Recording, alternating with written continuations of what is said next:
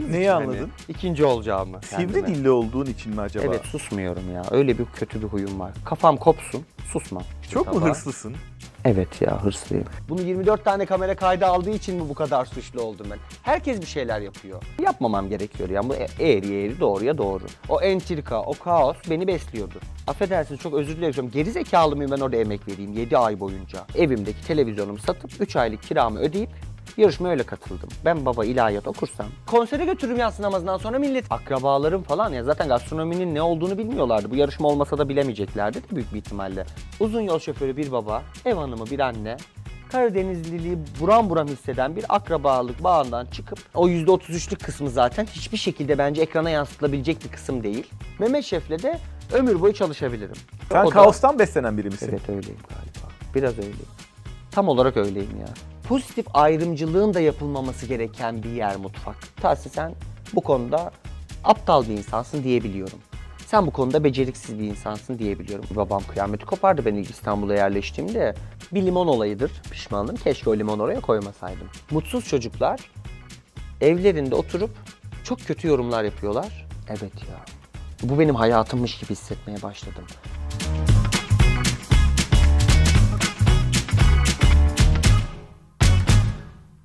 Tahsin hoş geldin. Hoş bulduk. Çok teşekkür ederim geldiğin için. Estağfurullah. Ben Yarışmadan yeni çıktığın sayılır. Birkaç gün oldu galiba değil mi? Evet bir haftayı doldurmadık sayılır.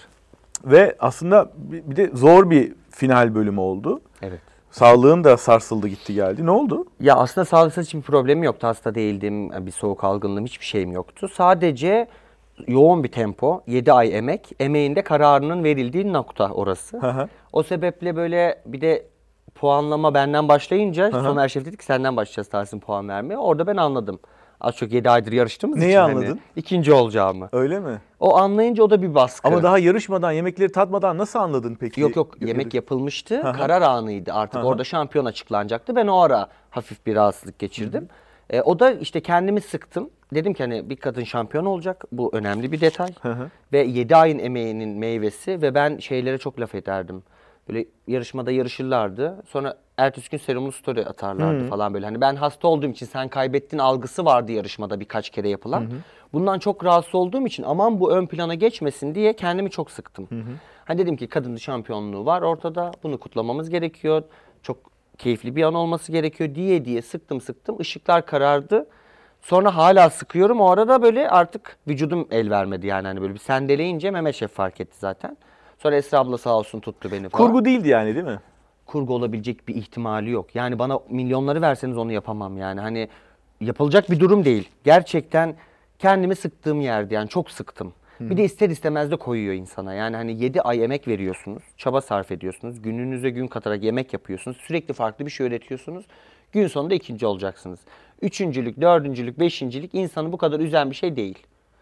Üçüncü olduğum için söylüyorum bunu. Sen çok tartışmalı bir karaktersin. Evet. Yani bu yarışmanın içinde en çok üzerinde konuşulan insansın. Çünkü çok yakın bir arkadaşım var. Dedi ki ya Masterchef bitti. Tahsin'i bir davet etsene, konuk etsene.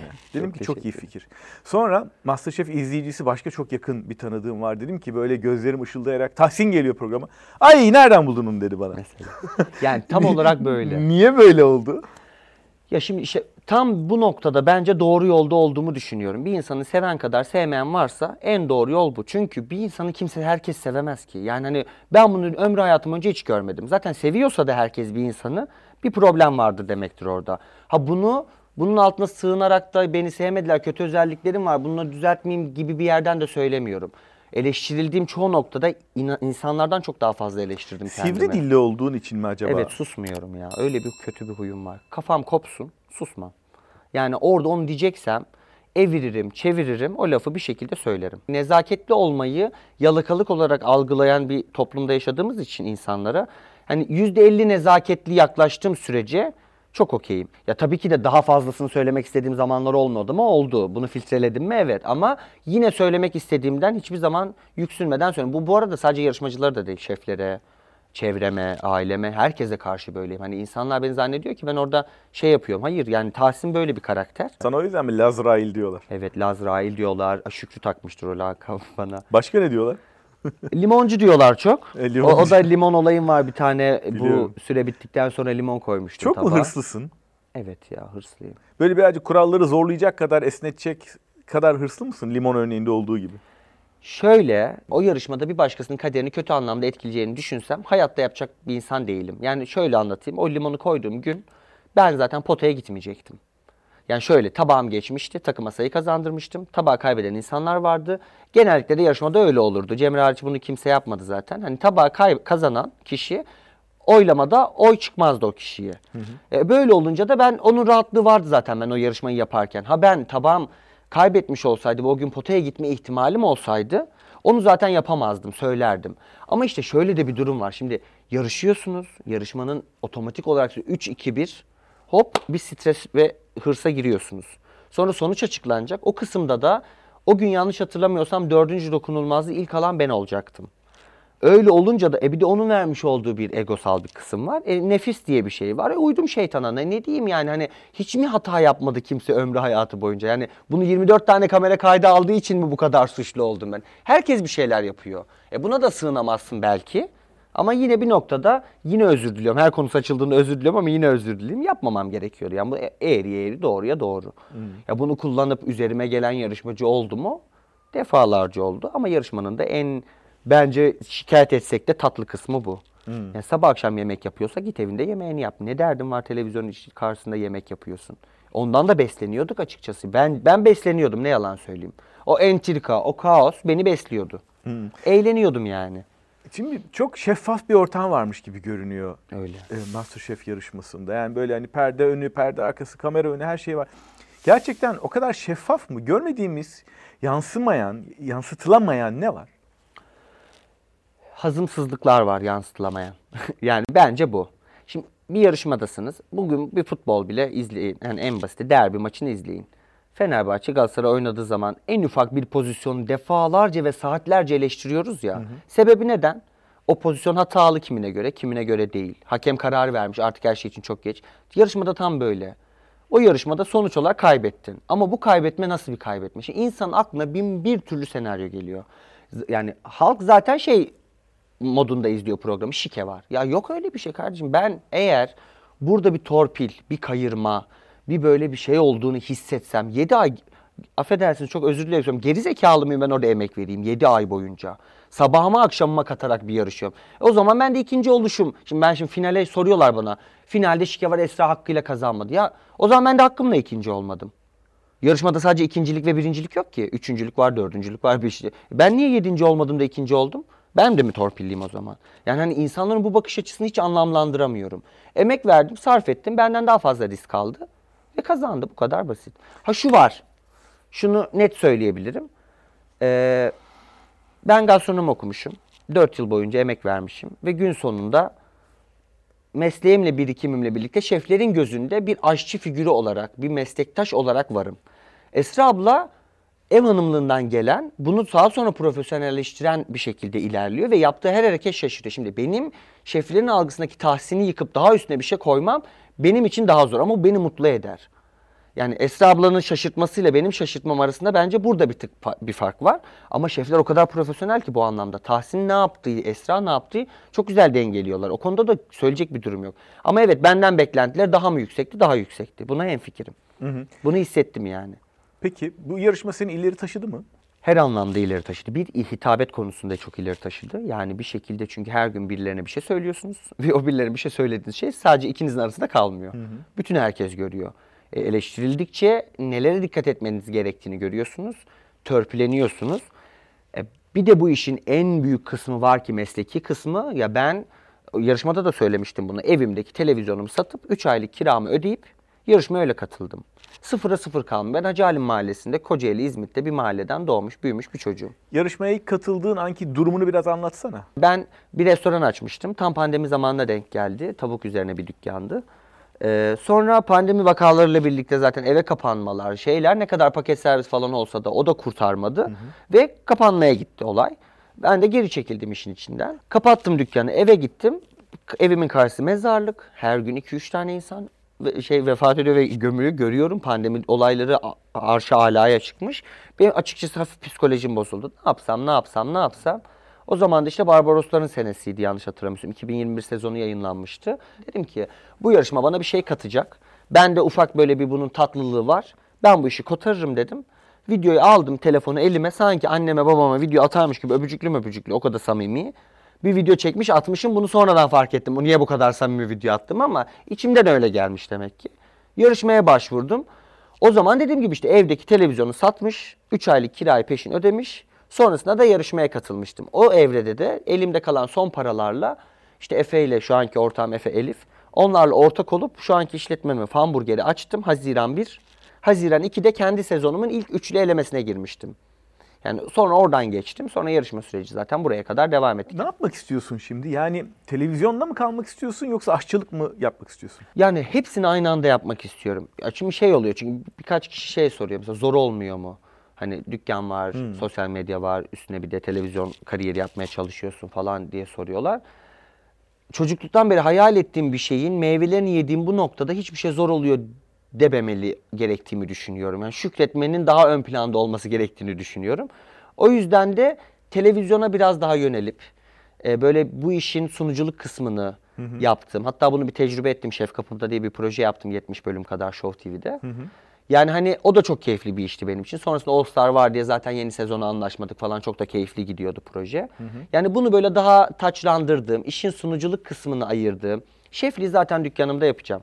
35 yaşıma geldiğimde de böyle kendime ait sadece 10 kişiyi ağırladığım, herkesle ayrı ayrı çok güzel ilgilenebildiğim private bir iş yapmak istiyorum. İşte o zaman yeteneğimi çok görebileceğiniz bir yer olur. Şimdi hamburgercilerin var galiba. Evet. İki tane mi? İki tane. Bir Kocaeli'de var, ailemin olduğu yerde. Bir tane de İstanbul'da bu Sabiha Gökçen Havalimanı. Nasıl bir hamburgerci bu? Bu hamburgerci ne gurme bir burgerci ne de e, o bildiğimiz standart her yerde olan o marka burgercilerin seviyesine kadar da inmiş bir burgerci değil. Tam böyle ara segmentte beyaz yakalının gelip yiyebileceği yani aslında onlara hitap eden, yerken keyif alacak ama bir burgerden de böyle wow bir lezzet bekleyebileceği bir burger değil. İnsanlar oraya iyi yemek yemeye mi geliyorlar yoksa sen parlayınca birazcık seni görmeye, senin izlerini görmeye mi geliyorlar acaba? İyi yemek yemeye geliyorlar. Çünkü ben burger dükkanının reklamını yapmadan önce bizim Kurtköy'de açtığımız şubemizde zaten ortağım beni arayıp yarışmadayken o zaman Tahsin sakın reklam yapma biz potansiyele cevap veremiyoruz demişti. Sonrasında ben üstüne bir de ekranda bunu söyleyince çok daha bambaşka bir yere gitti marka. Her aşçının bir kimliği var. Sen kendi aşçılık kimliğini nasıl tanımlarsın? Eğlence tanımlayabilirim ya. Ben mutlu olmayacağım hiçbir şey yapmam. Yani bir işin içinde mutsuz oluyorsam o işin içinden anında sıyrılırım böyle anlamazsınız bile. Hep Tadında- olmak istediğin şey şeflik miydi? Aşçılık, Hayır. yemek yapmak mıydı? Yok. Ben neler ben dansçı oldum bir dönem. Bir dönem tiyatroya çok heves saldım ki hala hevesliyimdir bu arada. Demet Akbay'la bir araya denk geldik. Çok severim kendisini de. Şey e, Demet ama şey demiştim hani zigon sehpa olayım da sizle aynı sahnede oynayayım. Hani derdim o. Yani para kazanma, ünlü, şöhret, oyuncu olayım, başrol olayım öyle bir der hiçbir derdim yok. Sadece o sahne tozunu böyle birkaç almıştım zaten böyle ama küçük çaplı okullarda vesairelerde böyle. Onu böyle his istiyorum yani o bir duygu ama bunu hobi olarak devam ettirme niyetim var. Sonra ne oldum başka? Bir sürü oldum. ya. İşletmeci oldum, ne bileyim garson oldum. Öğrenciyken full çalıştım. Pazara gittim balık sattım. Hani mutfağına girip bulaşık yıkadım. Hani bu işin her böyle penceresini yaptığım için aslında bence daha iyi yönetiyorum krizi de Peki acaba şimdi şeflik senin belli ki bir e, kameraların önünde, ışıkların altında olma arzun hep varmış. Oraya ulaşmanı sağlayan bir araç mı oldu acaba? Babam benim ilahiyat okumamı çok isterdi. Derdi ki Tahsin ilahiyat oku. Evini alacağım, arabanı alacağım. Dedim bak bak ben baba ilahiyat okursam, imam olursam ben milleti yatsı namazından Skandal sonra... imam olurum. Ya tabii ben konsere götürürüm yatsı namazından sonra milleti hani ben öyle bir yaşam enerjisi var hani yapma bunu bana. O da hep bana şey der Nihat Hatipoğlu gibi olursun derdi. Derdim ki bunun yolu bambaşka yolları da var. Niye yapayım bak mutlu olmayacağım. Ben mutlu olayım. Kendi evimde arabamı da kendi paramla alırım zaten. İstemiyorum dedim ev araba senden. Ki öyle de oldu. Aşçılığı seçtim. Hiç inanmadılar. Yani akrabalarım falan ya zaten gastronominin ne olduğunu bilmiyorlardı. Bu yarışma olmasa da bilemeyeceklerdi de büyük bir ihtimalle. Kimse bilmiyordu. Herkes cephe aldı. Hani aşçı olmak için okul mu okunur? Sen manyak mısın? Babama neler neler dedi. Nasıl bir Senesi- öğrenciydin? hiç inek bir öğrenci değildim. Sabah akşam reçete ezberlerdi sınıftakiler. Ya, s- final haftalarımızda böyle tabak yapardık. Ama şef bana bir sorardı. Ben takır takır yapardım o yemeği. Yani onu benim bir kere yiyor ve yapıyor oluşum. Bir daha da unutmam ömür billah zaten. Öyle bir hafızam vardı. Okulda da böyle neşeli miydin yani? Evet. Böyle öne çıkar mıydın? Çok. Ceceremesini de çekerdim yani. Hani hatta ön planda olmanın e, e, iş yükü arttırıyor falan. Yani hani bir de biz yıkardık. Bu da bizim gastronomi bölümü daha çok böyle kağıt kalemden geçmiyor ya. Yapardık yemekleri. Sonra ben çok konuşurdum, ortalığı dağıtırdım falan diye. Bulaşıklar bana kalırdı. Ama keyifliydi ya. Hepsini, bütün serüvenini çok seviyorum hayatımda geçirdiğim. Peki e, ki- kişiliğini biliyoruz, gördük, tanıdık. Aşçı olarak kimliğinle yani hani her aşçının belli bir yere bir tandansı eğilimi vardır. Bazı şeyleri sever, bazı şeyleri sevmez. Bazı şeylerde e, iddialıdır. Bazılarında biraz kendini geri çeker. O anlamda kimliğini tanımlar mısın? Tabii hamurda ve tatlıda çok iddialıyım. Hı hı. E çünkü 10 yaşından beri ben yufka tezgahlarında yufka açardık. Biz Ramazan öncesi bizde hazırlık olur. Yufka kuru yufka yaparlar bilmem bilir misiniz? Oradan böyle bir hamura bir yatkınlık var. Yani Tahsin'e tatlıcı diyebiliriz ya. Ekmekçi de diyebiliriz. Balıkla çok uğraşmayı sevmiyorum.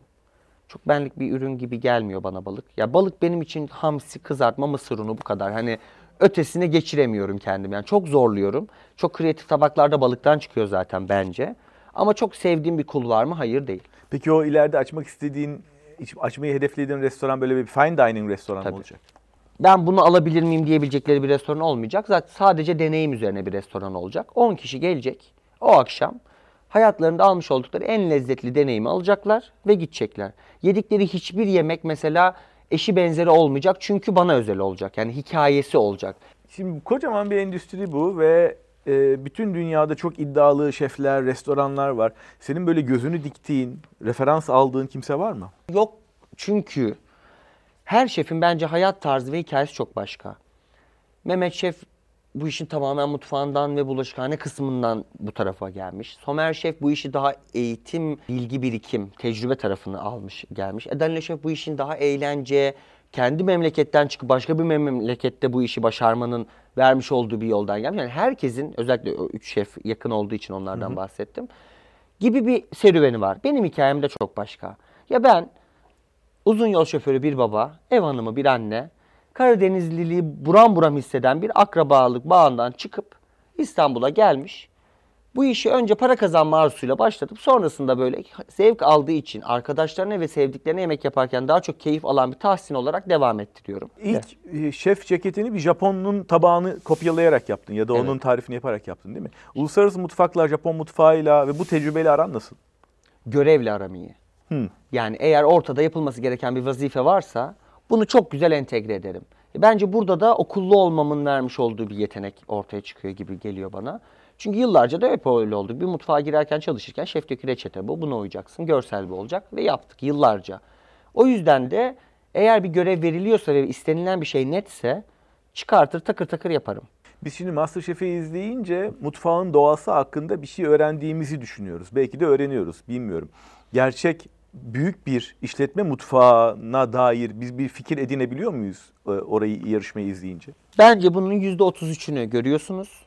%33'lük diğer kısmını sektörden olan kişiler çok daha iyi sezimliyor. Ama %33'lük kısmı hala olması gereken yerde gizli ve saklı. Çünkü bunda nasıl anlatayım? Şimdi Mehmet Şef eğer bir Türk mutfağında çalışmak ne demek ya da bir işte atıyorum profesyonel mutfakta çalışmak ne demek olsa karşılığı Mehmet Yalçınkaya olur diye düşünüyorum. Çünkü üslup, iletişim, jargon hani ne denirse o kısmı hani her şey tam olarak öyle. Bir kaos var.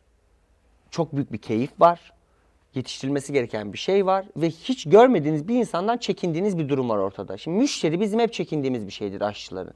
Yani olup da garson bir gün şey derse hani "Ay, aşçıyla tanışmak istiyor derse mesela bu bizim için çok gerginlik bir alandı hep böyle. Mutfakta hep bundan çekinirdik. Neden? Böyle bilmiyorum yani hani öyle mi? Yani Üstelik de iyi bir şey söylemek için belli ki tanışmak Belki istiyor. övecek yani hani tebrik edecektir vesairedir ve bir sürü bir sürü şey olabilir ama hep böyle Stafford'un yazar yani buraya girmeyin. O bizim orası güvenli alanımız aslında yani gerçek girmeyin yani gerçekten o alana. Hani hep de bu, bu dil devam etti yıllarca. Açık mutfaklarda ben çalışmaktan hep gerilirdim. Çok daha fazla özen göstermeniz gerekir, çok daha dikkatli olmanız gerekir. Yanlış bir şey ve mimik yapmamanız gerekir. Çünkü istersen elin yandığınızda evde verdiğiniz tepkiyle ekran önünde verdiğiniz tepki arasında dağlar kadar fark var ya. O da tam olarak öyle bir şey. Kavga çıkmaması lazım. açık Kavga mutfakta. çıkmaması lazım. Ama çıkıyor da bir yandan. Bir yandan o- çok gergin bir yer değil mi Çok. mutfak? Ama dediğim gibi yani o, o işin içine girmeden o %33'lük kısmı zaten hiçbir şekilde bence ekrana yansıtılabilecek bir kısım değil. Ama diğer kalan kısımların hepsi şeffaf. O kaos, o curcuna, o bir şey yetiştirme şeyi. Çünkü her şeyiniz mizan plasınız hazır. 3-2-1 marşlanıyorsunuz ve o yemeğe minimum 8 dakikada çıkartmanız gerekiyor ki 10 dakikada masada olsun. Gibi gibi bir serüven var. Çıkacak. Yani o an sosun kesme ihtimali yok. Yedeği olmak zorunda falan falan falan falan bir sürü Sen şey. jürideki şeflerden en çok Mehmet Şef'e mi yakın hissediyorsun kendini? Evet. Ya bunu söylüyorum. Ya bu diğer şeflerin de darılacağını, güceneceğini zannetmiyorum bu konuda açıkçası. Yani Somer şefi başka bir yerden seviyorum. Dedim teknik bilgi birikiminden çok seviyorum. Somer şefle oturup saatlerce sohbet edebilirim. Danilo şefle mesela bir akşam shiftinde çalışmaya kalmış olsam Danilo şefle kalmış olurum. Bütün müziplikler, kalan yemekleri böyle kotarıp da kenarda gizli gizli yemekler. Bütün hepsini Somer şey Danilo şefle yapabiliriz. Mehmet şefle de ömür boyu çalışabilirim. Yani gerçekten ömür boyu çalışabilirim şu masayı sorsun, bağırsın, çağırsın. Sen O da- kaostan beslenen biri misin? Evet öyleyim galiba. Biraz öyleyim. Tam olarak öyleyim ya. Biraz öyle diyeyim. Tam olarak öyleyim. Kaosu seviyorsun. Seviyorum. Peki e, mutfak cinsiyet eşitsizliğinin yoğun yaşandığı bir yer mi? Gerçi sen en son yarışmada bir kadına kaybettin ama e, eşitsiz bir durum var mı cinsiyetçilik cinsiyet açısından orada? Bunu yaptılar yıllarca. Bence bunu %50 erkekler, %50 kadınlar yaptı. E, çünkü e, şöyle bir durum oluyor ortada açıkçası. 10 kasa domates geliyor. Bu 10 kasa domatesi soğuk hava deposuna yerleştirip o da soğuk hava deposunu düzeltmek bir erkek için güç kuvvet gerektirdiği için çok daha kolay bir şey olabilir. Buna hiç arıl, darılacak, gücenecek bir şey. Çünkü daha kolay bir şey onun için. Bir kadın için daha zor bir şey. Eğer bir kadın o yapılırken ya ben bunu yapamam, ben mutfağa gideyim soğan doğrayayım dediği zaman bu sefer zaten ayrıştırma orada başlıyor. Yani hani insanların böyle bizim bu cümleleri söylerken korkuyoruz falan ama pozitif ayrımcılığın da yapılmaması gereken bir yer mutfak aslında. O şartlarda çalışılması gereken bir yer. Çünkü ya sen o ızgaranın başında yanıyor pişiyorken diğerini gel sen soğuk havada hop orada soğuk sosu doldur gibi bir ortam değil. Yani bunu isteseniz de yapamazsınız. Yapmaya çalışıldığı zaman işte ayrım olmuş oluyor. Yapılmadığı zaman da kadına çok zor. Erkeğe de onu hep ayrılıyormuş gibi hissettiren bir kısımda oluyor. Ya bu mutfakta yıllardır böyle. Böyle olmaması için çok özen gösteriliyor bence sektörde. Ama yarışmada da aynı şekilde. Hep daha dikkatli olunması gerektiğini düşünüyorum. Buna yönlendirilmesi gerektiğini düşünüyorum. Hatta bence kadın kadın mutfakların yönetilmesi gerektiğini düşünüyorum. Hiç erkek figürünün olmaması gereken mutfaklar olması gerektiğini düşünüyorum. Anca bunu böyle yıkarız bence. Ama var mı? Hala var. Ben çok biliyorum yani birkaç işletmede mesela bizim kadın çalışan istemiyorlardı mesela. Çok net hatırlıyorum bunu. Çok kötü bir şey. Niye istemiyor? Onu erkek kadar alternatifte kullanamayacak çünkü. Bir erkeğe küfür de edebiliyor. Bağırıp çağırabiliyor. O hamallığı da yaptırabiliyor. Her şeyini yaptırabiliyor mutfağın. Ama bir kadın onları yaptıramayacağını çok iyi biliyor. O zor olanı yapmayı da tercih etmiyor. İşin kolayına kaçıyorlar. Çıkamıyorum. Takıntılı biri misin? Takıntılı bir haldeydi pandemi döneminde. Biraz daha böyle zaman geçti yani banyodaki lavabo evyenin üzerine su lekesi olsun arkadaşlarımla kavga etmişliğim vardır. O kadar takıntılı bir Ama dönemdeydim. yarışmada öyle değildin. Yere düşen ete tekme atıp tezgahın altına itiyordun. İşte öyle hale geliyorsunuz bir süre sonra hani çünkü bunu nasıl diyeyim yani pandemi bize hep böyle mikrop mikrop mikrop mikrop diye oldu ya yani o böyle bir bende takıntılı hale geldi. Her şey düzenli olacak, düz duracak, yamuk durmayacak vesaireydi. Sonra bunu aşamasaydım bu bana hastalık olarak geri döneceğini bildiğim için aştım. Kendini tedavi ettin yani. Aynen öyle. Yani hani görme zor oldu ilk zamanlar ama bir şekilde bunu düzelttim. Kişisel gelişimin için üzerinde çalıştığın bir alan var mı? Az önce saydığın gibi mesela. Başka Ya- alanlarda. Kişisel gelişim için açıkçası şeye çok dikkat etmeye çalışıyorum. İletişime çok dikkat etmeye çalışıyorum. Ee, o yüzden de hitabet dersleri falan böyle şu an en araştırdığım üzerine yoğunlaştığım diksiyon dersleri falan. Yani Ve aslında bir televizyon kariyeri için bir, Evet. bir eğitim yapıyorsun. ekranı seviyorum. Yönetebildiğimi ve yapabildiğimi de düşünüyorum. Ee, o yüzden de buna yönelirsem çok güzel işler çıkaracağımı da düşünüyorum. Ama yapacağım işlerin hep bir parçasına yemek olmalı mı kararsızlığındayım da bir yandan. Şu an için seçeneklerin var mı? Var. Alternatifler, teklifler var, mı? Mutlaka yani vardır. Şu an zaten bir biz Acun Medya olarak Sen Masterchef'in hala Acun Medya'nın bir, Bir parçasıyım, parçasısın. kümülatif, Senin evet. management'ını yapıyorlar. Tabii, belki tabii, prodüksiyonlarını belki yapacaklar. paket programımız orada biz. Yarışmacı olarak girdik. Artık böyle bizimle ilgileniyorlar zaten sağ olsunlar. Sos- Yarışmacı olarak girdin. Artık ekran yüzü selebriti olarak çıktın. İnşallah. Yani sosyal medya kısmında yönetiyorlar. Marka kreatif kısmı var, marka kısmı var. Her alanda hani Tahsin sana böyle bir yol çizelim. Tahsin senle böyle bir ilerleyelim ki bizim de fikirlerimizle tabii ki şekilleniyor bu durum. Ve böyle televizyon kısmıyla da oturup konuştuğumuz birkaç proje var. Çok iyi. E, güvenini nereden alıyorsun? Yani benim en kuvvetli tarafım budur dediğin ve e, özgüvenini besleyen şey nedir? Düşmekten korkmuyorum. Bir de yarışmanın bana kattığı en güzel özelliktir. Herkesten çok daha ağır eleştiriyorum kendimi. Bu sefer insanların eleştirileri umurumda olmuyor. Çünkü ben onların bana söylediği cümlelerin çok daha ağırını kendime baş başa kaldığım zaman söylüyorum. Tahsin sen bu konuda aptal bir insansın diyebiliyorum. Sen bu konuda beceriksiz bir insansın diyebiliyorum. O zaman diğer türlü insan sen beceremedin dediklerinde ben o konuda kendimi eleştirdim zaten ama düzeltmek için çabalıyorumu bildiğim için umurumda bile olmuyor ne dedi. Bu da bence beni en güçlü kılan şeylerden bir tanesi. Düşmekten korkmuyorum yani e, işin özeti bu. Kalkabilirim çünkü. Defalarca öyle oldu. Hayatındaki en büyük zorluk neydi? En büyük rahatlıkla en büyük zorluk benim hayatımda aynı şey. Aile figürü. Ben ailemin desteğiyle çok iyi şeyler yaptım ama ailemin desteği alabilmek için de çok uğraştım. Yani Ben bunu başaracağım dediğim zaman hep böyle inanılmadı. Ama güvenildi. Sonrasında da o güven karşılığında ben onu başardıkça da bu sefer aa tamam Tahsin bu işi yapıyor, Tahsin bu yolda başarılı, düşse de kalkar dendi ve sonrasında da o böyle şöyle oldu yani hani babam kıyameti kopardı ben ilk İstanbul'a yerleştiğimde konuşmadık bir dönem yani hani niye gidiyorsun yapma etme ya çünkü hep şey korkusu vardı bizimkilerde Tahsin İstanbul'a giderse yapı mizaç olarak oraya dışa dönük bir çocuk eviye bağlılığını kaybeder ve yok olur. Ama ben de şeyin çok bilincinde bir insandım. Ben eve bağlılığımı ve aile figürünü yok sayarsam kendi öz değerlerimden vazgeçerim. Ben olmamın da çok farkındayım. İşte bunu anlatmak çok zor oldu ama anlattım. Şu an her taraf çok mutlu. Ama ailede mesela normalde abim yapsa kıyametin kopacağı şeyi ben yapayım. Ha Tahsin yapar ya Tahsin'e yakışır derler geçerler bu kadar. Ve bu çok zor oldu. yani bu hale getirmek çok zor oldu bu işi. Şimdi bir muhafazakar bir yapı var, Var. galiba ailede. Bu seni zorladı mı? Sen çünkü daha dışa dönük, daha yırtıcı, daha yırtık bir tipsin. Zorlamadı ya açık söyleyeyim zorlama. Ya ben iki, iki yıl Kur'an kursuna gittim kaldım yatılı. Yani o dönemde bir İmam Hatip okudum dört yıl boyunca falan. Beni biraz zorladı açıkçası. Çünkü neyin ne doğruyu yanlışı biliyorsunuz ya. Ve bütün ezberinizde bu var. Bazen bunun aksini yapıyor olmak beni vicdanen zorladı.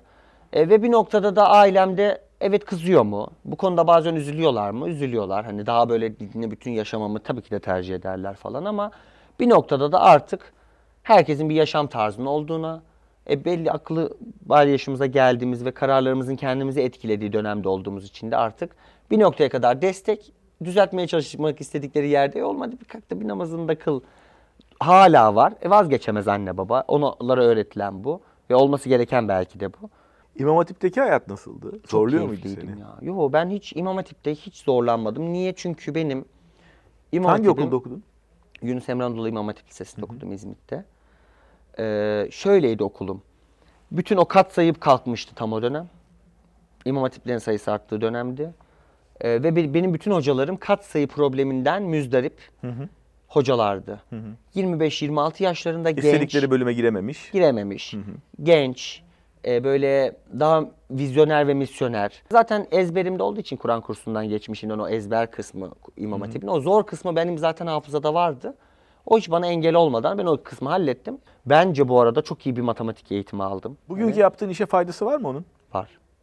Nerede Okuldaki eğitimimin mi? Ve matematik eğitiminin, okul eğitiminin. Tabii analitik zeka yani. Beş benzemez malzeme var ve bunlardan bir şey çıkarman gerekiyor. O Evet. analitik zekanın buna faydası oldu mu? Kesinlikle. O anda kafan nasıl çalışıyor? Şimdi şöyle oluyor. Çıkıyor ürünler, görüyoruz ürünü. Şimdi benim pen, bende iki tane sekme açılıyor aynı anda. Bir teknik sekme, bir hikaye sekmesi, aile, tabak. Önce şey düşünüyorum. Ben bu ürünle daha önce çalıştım mı? Bu ürün bende hayatımda nerede yeri var? Ben bununla ne yapabilirim düşünüyorum. Bir de bu ürünle neler yapılabilir? Teknik ne gösterilebilir? Gastronomi bilgi birikimden. Neler çıkar ortaya diye düşünüyorum. Eğer bunların iş- ikisini birleştirip tabağa yansıtıyorsam zaten övgü üstüne övgü. Ama eğer bir tarafında kalıyorsam aileyle ilgili tabaklar yaptığımda bazen teknikten sıkıntı yaşıyorum. Prezentasyondan, görselden sıkıntı yaşıyorum. Çok teknik gittiğim yerde de bu sefer yemeğin lezzetinden uzaklaştığımı düşünüyorum. Çünkü gerçekten lezzetin hikayede olduğunu düşünüyorum. Yani hani o, çünkü o çocuk annenizin yaptığı yemeğin daha lezzetlisini yaptırmak çok zordur ya. Öyle bir yerden bakıyorum olaya. Tam olarak iki sekme açılıyor. Sonra o sekmeler tekrar sekmeleri açılıyor. Aa bununla bunu yaparım. Buna sosa çeviririm. Bunu farklı bir boyuta atlatmam lazım. Benden beklenilen görev bu. Yani görev insanı oluyorsunuz orada. Havuç var. Bu havucu farklı bir hale getirmen gerekiyor ki Tahsin övgü alasın. Bunu nasıl farklı bir hale getirebilirim? Sosunu yapabilirsin, püresini yapabilirsin, onu yapabilirsin, bunu yapabilirsin. Ha, tamam, okey. Gibi gibi gibi yerlerden. Yani böyle çalışıyor sekme sekme sekme. Orada aslında Herkes iki öyledir. şey birlikte çalışıyor. Bir bilgi, teknik bilgi, bir de görgü anladığım kadarıyla. Tabii ki, kesinlikle Yani yaşam öyle. birikimin. Daha Aynen önce öyle. ne yedin, ne içtin, aklında ne kaldı. Onun için de aslında çok yemiş olman, çok farklı yerlerde Kesinlikle tadım öyle. yapmış olman gerekiyor. Buna kesinlikle katılıyorum. Ürün bilmeden bir yere kadar yani şöyle lezzetli yemek yapabilmek ve el lezzeti en önemli özellik katılacakları sesleniyorum bu arada. Eliniz lezzetliyse katılın. Ama elin lezzetli değilse istediğin kadar teknik bilgi birikimin olsun. Onu yaptıktan sonra yenmeyecek bir hale aldım ne yapayım? Doğrusunu da yapsan ne olur? Yenmiyor çünkü gibi bir durum. En zorlandığın tabak, mutfak, ürün hangisi? Mutfak olarak zorlandığım bir mutfak yok. Yapmaktan keyif almadığım mutfak var. Asya böyle çok keyif aldığım bir tabak değil yani taraf değil açıkçası. Ama en lezzetli yemeklerini çıkarttığım mutfak da o mutfak. Yani açıkçası. Zorlandığım tabak da Masterchef'in bence gelmiş geçmiş en zor tabağıdır. Bence gününün anlam ve önemini de e, ilettiği için bir tabaktır. 10 Kasım'da e, bir tabak yaptık sonsuzluk şeklinde. Tabakta 36 tane ayrı meze vardı. Ve 45 dakika süremiz vardı. Ben o gün zorlandığım kadar yarışmada hiç zorlanmadım. Ben enginarı ayrı yerde yaptım. Kerevizi ayrı yerde yaptım. Fasulyesini ayrı yerde yaptım. Eren abi tek bir harç. Enginarı fasulyeyi tar- Çünkü birer tane koyuyorsunuz. Mikro yani şeyle böyle cımbızla işliyorsunuz mezeleri. O bir tek tencerede şeyini o bütün bazı temel alıp enginarını, kerevizini, işte fasulyesini Hepsini tek bir yerde yaptı. Aldı yaptı. tek tek koydu tabağa. Ben gidip hepsini aynı sosu ayrı tencerelere yapıp pişirmeye çalışıyorum. Ne gerek var hani? Ama işte analitik zeka tam o da meslekin içinden gelmekten kaynaklanan. Mutfakta yıllarca tecrübedir onun cevabı bence. Mutfakta en zor şey ne? Psikoloji. Yarışmadan bahsetmiyorum. Ya psikoloji Mutfakta yine yine psikoloji. Yine psikoloji çünkü şey şimdi şöyle bir durum var. Bir işi keyif alarak yapabilmeniz için bence sıradan olmaması gerekiyor. Ama mutfakta da ne kadar değişiyor olsa minimum 6 ayda bir menüler değişiyor. Ve bir ayın sonunda bu menüyü öğrendikten sonra bir sıradanlaşıyorsunuz. E bu sıradanlık sizi lakaytliğe ve işini dikkate almamaya itiyorsa başaramazsınız. Yani motivasyonu korumak mı? Tabii. Motivasyonu o mu? korumak tam olarak evet o çok zor. Ya çünkü dediğim gibi hani eğer o işi sıradanlaştığı zaman derseniz ki Aa, bu basit ben bunu havada karada yapıp küçümsemeye başladıksa başladıkça işin profesyonelliğinden uzaklaşmış oluyorsunuz. Küçümsemeyip çok özen gösterirseniz o yaptığınız işten çabuk sıkılıyorsunuz. Bunların hepsini dengeli tutmak bence en zor. E bir de şey Türkiye'de çalışıyor olmak zaten yani sabunun üstünde yürümekle aynı. Hakim kaydır dayağımı hakim kaydıracak derdi var ortalıkta. E, o yüzden de bence en zor kısmı yine psikoloji. Yemek yapma kısmı en keyifli ve en güzel kısmı. Peki yarışmaya dönmek istiyorum. Dönüp de baktığın zaman böyle pişman olduğun bir an var mı? Kararların, davranışın, ilişkilerin. Bir limon olayıdır pişmanlığım. Keşke o limon oraya koymasaydım. Bir de Sergen'le bizim çok güzel bir dostluğumuz var. E, bu Sergen Tahsin arkadaşlığını bunun dışına çıkartıp insanları da böyle görüp çok rahat davrandığımız noktada hata yaptığımı fark ettiğim için bu bir en büyük pişmanlığım. Keşke o arkadaşlığı sadece Sergen ve Tahsin arasında bıraksaydım. Atışmamı da Sergen Tahsin arasında yapsaydım. Hiç kimseyle muhatap olmasaydım.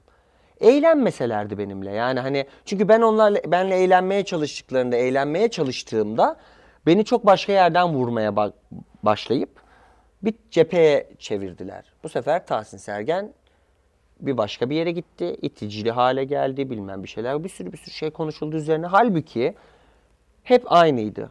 Yarışma bizim bu Star 6 hafta stokla başladık biz. O 6 haftada hiçbir problem yoktu. Her şey yolunda, herkes çok keyif alıyor. Gır gır şamatalar, kızdırmaya çalışıyoruz. Gayet de tepkiler güzel falan. Sonra 6 haftanın sonunda program yayına girdi. Ve Tahsin'le Sergen'i eleştirildiği noktalar oldu izleyenlerin. Çok doğal. O eleştiriler başladığı zaman bir baktım bir gün sonra o eleştirinin aynı yorumunu yarışmanın içerisinde bir kişi lop alıyor senin suratına söylüyor. Çünkü ona göre yaşıyor. Sonra ertesi günü bir başkası. Sonra yarışmaya birileri dahil oluyor. Okuyor okuyor okuyor bu metinleri ezberliyorlar. Sonra geliyorlar hop onu da söylüyorlar. Mutsuz çocuklar evlerinde oturup çok kötü yorumlar yapıyorlar. Ve mutsuz büyükler Yarışmada bunları arkalarına alıp Tahsin böyle diyerek bana sıfatlandırdılar sürekli. Ama bir şey- yandan işin bu kadar popüler olmasını sağlayan da o sosyal medya. Asla medya. lafım yok. Hı. Tabii ki de yapılacak. Popüler olan eleştiriye çok karşıyım. Yani bir şey tıklanıyor diye. Yarışmadaki öfken ziyade devam ediyor mu? Mesela yarışmada öfkelendiğin diğer yarışmacılar vardı. Onlara Hiç o kadar bitti ki her şey. mesela Cemre ile bir atışman oldu. Cemre nötr bende. Öfkem de yok, sinirim de yok. Hiçbir, Cemre'ye karşı hiçbir şey hissetmiyorum. Yok benim için gibi düşünüyorum. Masterchef'in bir başka formatı olsa yine yine katılır mısın? Yine yarışır mısın? Ya buna hayır demek çok zor. Evet demek de çok zor. Özellikle şu kadar tazeyken her şey çok zor. Ama giderim ya. Yani o kümülatifin, o aile yapısının içinde bulunmaktan hiçbir zaman rahatsız hissetmedim. Yine hissetmem herhalde. Peki sen yarışmacı bir tip misin aynı zamanda? Evet ya. Bu benim hayatımmış gibi hissetmeye başladım. Yarışıyorum çünkü. Mesela evde PlayStation oynuyorum arkadaşımla. Hırsımdan geberiyorum ya yenecek beni diye mesela en basiti. Peki son sorum. Acun seni Survivor'a çağırsa gider misin? Hayır gitmem. Ben tok karnına böyle milletle papazım ya. Aç kan biri benim kokonatımı yiyecek. Orada bir şey mi olacak? Al kıyameti koparırım ben. %50'si yayınlanmaz yani programın. Öyle bir şey olur. Ya ben Survivor insanı değilim. Tahsin çok teşekkür ederim. Ay, ben teşekkür ederim. Bugün ben gerçekten çok ilginç, çok tatlı bir insanla tanıştım. Çok sağ Ee, ve çok mutlu oldum. Bu güzel söyleşi ederim. için çok teşekkür ederim. Ben çok sağ ol. teşekkür ederim. Çok keyifliydi. Kendinize iyi bakın. Çok sağ ol. Sen de. Şöyle.